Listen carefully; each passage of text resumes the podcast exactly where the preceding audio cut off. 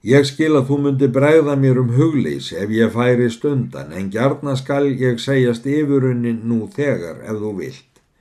Því fer fjærri að ég vilji það, segir Björn og tekur nú til Ólafs. Hann tekur á móti og glíma þeir langan tíma, svo hvorugur vinnur annan. Björn mættist meira og lenaðist nokkur í sókninni og kom Ólafur honum oknýja.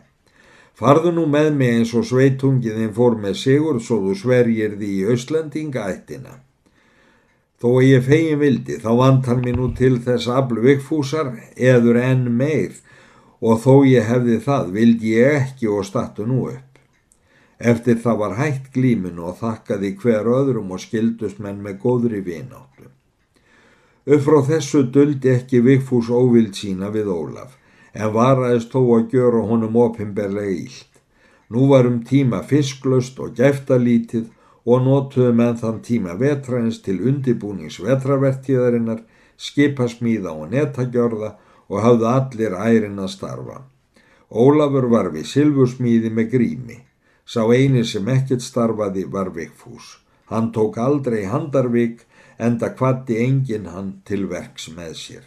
Honum leittist lífið þegar hann hafði engan að kýfa við og fann því upp á því óskráð að ganga daglega inn í Reykjavík. Þar grættust honum fljótlega góðkunningjar því hann var aldrei skildingalauðs þar eða Þorbjörg móður hans hafði ekki sparað við hans skotsilfur.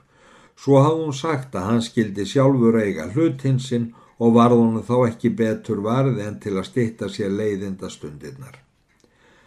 Þó má segja vikfúsi það til hrós að í honum var gróðahugur og var hann þess vegna ekki sem allra samvisku samastur í kaupum og sölum ef aðeins hann sjálfur varð ekki fyrir halla. En þennan vetur brautnaði sinn lög því að Vigfús vissi að ánægja er fyrir öllu. Líka gatt hann margt heirt og séð í höfustafnum sem honum var áður að öllu óþægt. Hann lærði nú vonum fljótar að taka sér hraustlegi staupinu og skortið þá aldrei trygga vini og fylgisbakka góðkunningja sem ekki skrifuðu svo nákvæmt á reikningin þótt endrum og sinnum nýtti knefahögg eða rakirði þegar svo svarta jafnskjótt var tekinu upp.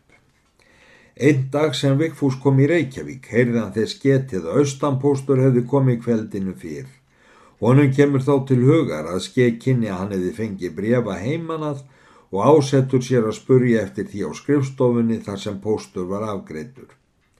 Ekki var samt af því svo fljótt því að nú komi ímsir góðvinni sem sögða hann velkomin, hafði hver þeirra böla að bera. Einn hafði höfverk, öðrum var ílt fyrir hjartanu, þriðji var ótækur í maganum og svo framvegis en allir luk upp sama munnum það að Vigfús væri undrunarlega nærfærin við þess konar meinsendir. Svona leið dagurinn fram til kvelds og tók þá flokkurinn að dreifa sér. Vigfús höfði til heimferðar og myndi nú eftir því að hann hafði ekki spurt eftir brefum. Hann var talsvert drukkin og bar sig þó vel því að maðurinn var hraustur.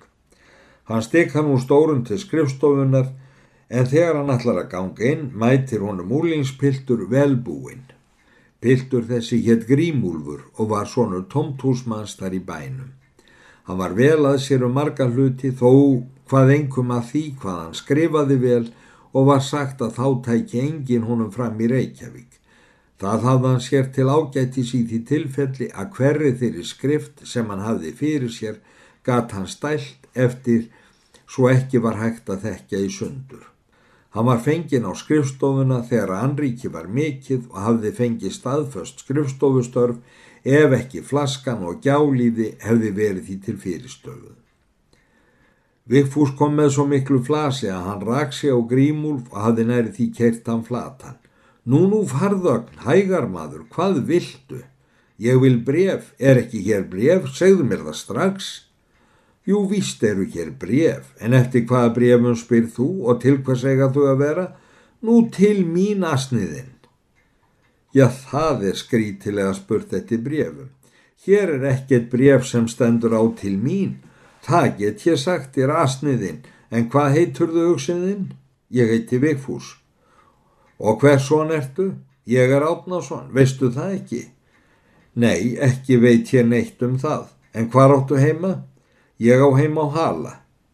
Nú skal ég higgjað, býtu nú mín.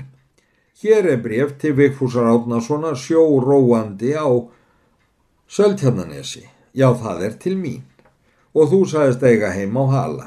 Ég hef rói hér í vetur og þykki heldur liðtækur maður skaltu vita. Það var það mér ekkert um, en hvað á að standa á signetin á því brefi sem þú áttu að ná? Jón á hóli brúkar alltjent signeti sitt þegar hann skrifar fyrir hann að móðum mína. Og hver svon er hann Jón á hóli? Magnússon, það mann ég. Nú já, já, loksins, þá er það þitt bref. En hér eru fleiri bref af sama bæ til Ólaf Sveinssonar og er hvernmannshönd á öðru. Já, hann er þar líka. Ég skal taka þau og vertu sæl. Ég verðir samferða fyrst. Heyrðu, þú mátt til að gefa mér í staupinu fyrir það að ég var að standa svona lengi yfir þér. Mig langa líki í staupinu, kondofan í búð. Æ, nei, ég skal heldur ljá þér flösku, gagtu heim með mér. Þeir ganga nú heimmi til grímúls og sækir hann inn flösku og færi vikfúsi. Ég skal geima brefin á meðan svo sé vissum að þú komir aftur. Í þessum glugga skal verða ljós og þar finnur þú mig einsamlan. Vigfús kemur nú vonum fljótar með brennivínið og setjast þeir báðir að krásinni. Hérna er nú brefið þínlagsmaður. Þetta er falleg hvernmannshönd Vigfús. Veist ekki hvað hún heitir sem hefur skrifað? Ætlið þú sjáu nokkuð hvort hvernmaður hefur skrifað eða kallmaður? Já það þykir mér hart og meira segja ég get skrifað eftir hverri hönd sem ég sé. Viltu trúa því? En býðum við, hvað er á signetinu? K-R-J-D, svo ansi vel grafið. Það er eins og það eigi að vera Kristín Jónsdóttir. Ækver anskotin er hún að skrifa honum, saði Vigfús og stökk á fætur og fór af honum allur drikkjuskapur. Fáðu mér það, ég brýta upp. Það mátt ekki gjöra að rífa upp annars manns bref. Ég segi, fóget hannum eftir því. Æ nei, gjörðu það nú ekki. Þú mátt eiga það sem eftir er í flöskunni ef þú þegir og hérna hefur þau ríkstall til. Nú það var nú allt öðru mála gegna. Blessaður rífðu þau upp. Ég hef líka gaman að sjá Nei, nei, brjótt ekki lakkið. Svo má loka því aftur að ekki sjáist. Það kann ég. Fáðu mér brefi, ég skal opna það. Svona, sjáðu nú til. Taktu við og farða að lesa. Nei, lestu fyrir mig, ekki samt hátt. Já, grunaði mig ekki, hér stendu Kristín Jónsdóttir undir. Hanna lestu brefið. Já, já, já. Hóli, ástkæri góði Óli minn. Guð láti þér ættið líða vel. Ég ætla nú ekki að skrifa þér fjettir neinar því ég veit að hann fóstriðinn góður skrifar þér þær allar. Mér hefur fundist þessi vetur einhvern veginn svo langur að mér finnst það sem af honum er eins og tveir aðrir ég, sem ég hef áður lifað. Ég er strax farin að telja dagana til sömars. Æ, þeir eru svo margir enn. Ég ætla að tala ögn meira við því í haust en skilnaðastundin okkar var svo sviplega á enda af ógeðfeldu atviki að ég gatt það ekki. Ég óska stundum ef við varum aftur orðin börn og mættum leik okkur óhindruð á hólsarbökkunum en þeir dagar eru nú liðnir og kom ekki aftur. Ég veit ekki hvernig það er. Mér finnst að muni verða svo langt þanga til ég fæ að sjá því kæri óli. Ég get nú ekki skrifa meira, ég er svo skjálfend. Vertu æfinlega blessaður þess óskar þín eftir lofórði sínu minnug Kristín Jónsdóttir. Hanna nú, þarna hefur þau nú heilt brefið og hvað segir þau svo? Ég segi það mér heilum og lifandi skal Ólafur aldrei fá þetta bref. Svo það þá best að brenna það strax, nefn ef þú vilt skrifa annað, annarar meiningar. Ég skal skrifa fyrir því svo engin geti þekkt skriftinni í sundur en lestu mér fyrir. Já, vertu blessaður, hérna er túmark enþá, ég hef ekki meira hjá mér.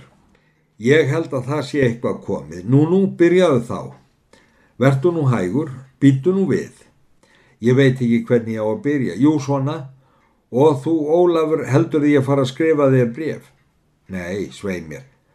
Þetta ætlar að verða endalus vitleisa, láttu mig stíla, svo skaltu lesa, það má vera stutt, já óskup stutt. Grímúlfur skrifað og var eins og hann hefði tekið stafina úr hinnubrefinu og sett á sitt, svo lík var skriftin. Þegar hann var búinn byður Vikfús hann að lesa sér og Grímúlfur les. Sælvertu Ólafur, sé svo að þér hafi sínst ég vera nokkuð öðruvísi en ég átti að mér og ég var daglega í höst þegar þú kvattir mig, þá hafa það verið barnalæti mín.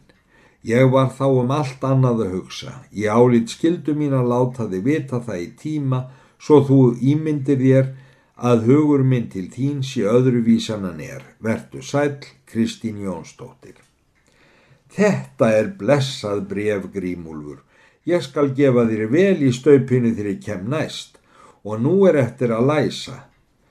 Já, betur fór að við brutum ekki lakkið. Ég skal vita hvort við getum ekki náði af og setta fyrir hitt, mikill listamaður ertu.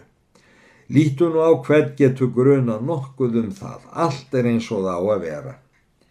Eftir þetta hveður Vigfús Grímúlf og gengur á stað og er hinn kátasti. Var þá langt á nótt er hann kom heim.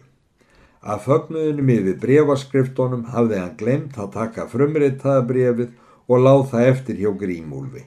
Fannst honum það ekki saka því hann vissa næsta dag að hann tekið það og brent.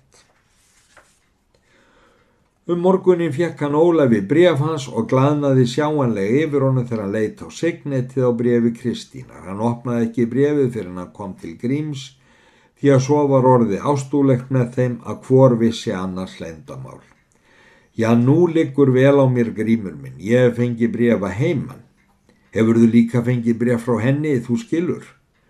Lít á signetið að tarna. Ég ætla nú að fara eins og börnin stundum þau geima þanga til seinast það þess sem þið þykir best. Ég ætla að lesa hennar bref setna. Hann brítur nú upp bref fóstra síns og var það ástrykt og föðurlegt en frétta löst. Síðan tekur hann hitt brefið og sínist grími hann verða hálf skjálfhendur en hefur ekki orð á og horfir á meðan hann les. Það sér grímur að þegar Ólafur hefur lesið tvær eða þrjár línur fölnar hann upp og hristist eins og hrísla í vindi. Hvað er þetta? Er þér að verða ílt, Ólafur? Og nei, mér er ekkert ílt, saði Ólafur stillilega, en hér er nokkuð öðruvís en ég áttu von á. Lestu brefið. Hvernig stendur á þessu? Hefur hún sjálf skrifað brefið? Já, mér sínist að sönnu eins og það sé einhver annar blæri yfir skriftinni en það marka ég ekki. Það kemur af geðsræðingum mínum. Þetta er hennar skrift, ég þekki stafagjörðina. Guð hjálpi henni og styrki mig. Já, mikill stillingar maður ert Ólafur. Það er eins og annað fyrir þér. Við skulum ekki hafa orð á þessu lagsmaður, ég skal reyna að láta ekki sjá á mér mikið. Ekki ætla ég að brenna brefið, hand hennar hefur þó skrifað það. Þennan sama dag fann Vikfús Grímúlf og bætt enda á lofórað sitt við hann. Síðan segir hann honum að hann ætla að taka brefið sem hann glemt um kvöldið og brenna það. Heldur það ég sé ekki búin að því? Þess áttar skjöleiga nú ekki að verða gömul, skal ég segja þér. Nei, það er satt. En má ég ekki finna þig vinnur ef mér liggur oftar á? Sjálfsagt, ég veit ég liggur á. Þú þart líklega að vita hvað verður í brefi Ólafs sem hann skrifar Kristínu. Það er nú það sem ég er að hugsa um. Ég ætla að sitjum hann á því. Þú ert sjálfráður en ég get hvernig sem fer náði hér á skrifstofinni því að ég tek á móti öllum brefum og þó það verði innan í öðru brefi þá skal ég hafa upp á því. Þú ert sá besti vinur sem ég á til, sagði Vigfús og kistan. Eftir það skildu þér. Fór Vigfús snemma heim þennan dag því hann þurfti að vaka yfir brefi Ólafs. Fáundögum síðar heyrðu þeir að postur var búin til austurferðar og skrifa þeir Ólafur og Vigfús báðir bref sín og býðst Vigfús til að bera brefs og bref Ólafs og koma þeim á postin því hann sagðist orðin honum málkunnugur og það þá Ólafur því honum var ekki tíðförult til Reykjavíkur og svo var þann einhvern veginn utan við sig eftir að hann var búin að skrifa Kristínu og ekki hafði hann þann dag sinnu á að vera við smíðar en slefti þó ekki sínu jafna daglega gladlindi. Björn tók eftir því að Ólafur gekk út og inn um daginn og heldur veikur vegi fyrir mönnum og var það þó ekki venni hans. Björn gengur því til hans og segir, hvernig ert í dag Ólafur minn? Það er eins og þú hefði nýlega mist konu eða þó líkara til að geta að stúlkan hafi stungið trúskap sínum við þig undir stól. Einhvern veginn ertu öðruvísan þú átt að þér. Það er þó hvorugt Björn minn, segir Ólafur, með ángur blíðu brosi og róðnaði við. Vigfús hefur þó ekki móðgað þig neitt vænt ég. Það er allt eins og mér finnist að hvert spór sem hann gengur líki þér til einhverjar bölvunar. Ég veit ekki hvernig því er varið en það liggur svo fast í huga mínum. Nei, nei, hann hefur ekkert gjört mér í mót. Hann er þessa dagana með gladlegasta móti við mig og ég hef enga orsök til að vera óanæður með hann. Það gengur heldur ekkert að mér. Það er ímyndun þín björn minn. Já, betur að svo væri, saði björn og gekk frá Ólafi og fór að raula bögu þessa.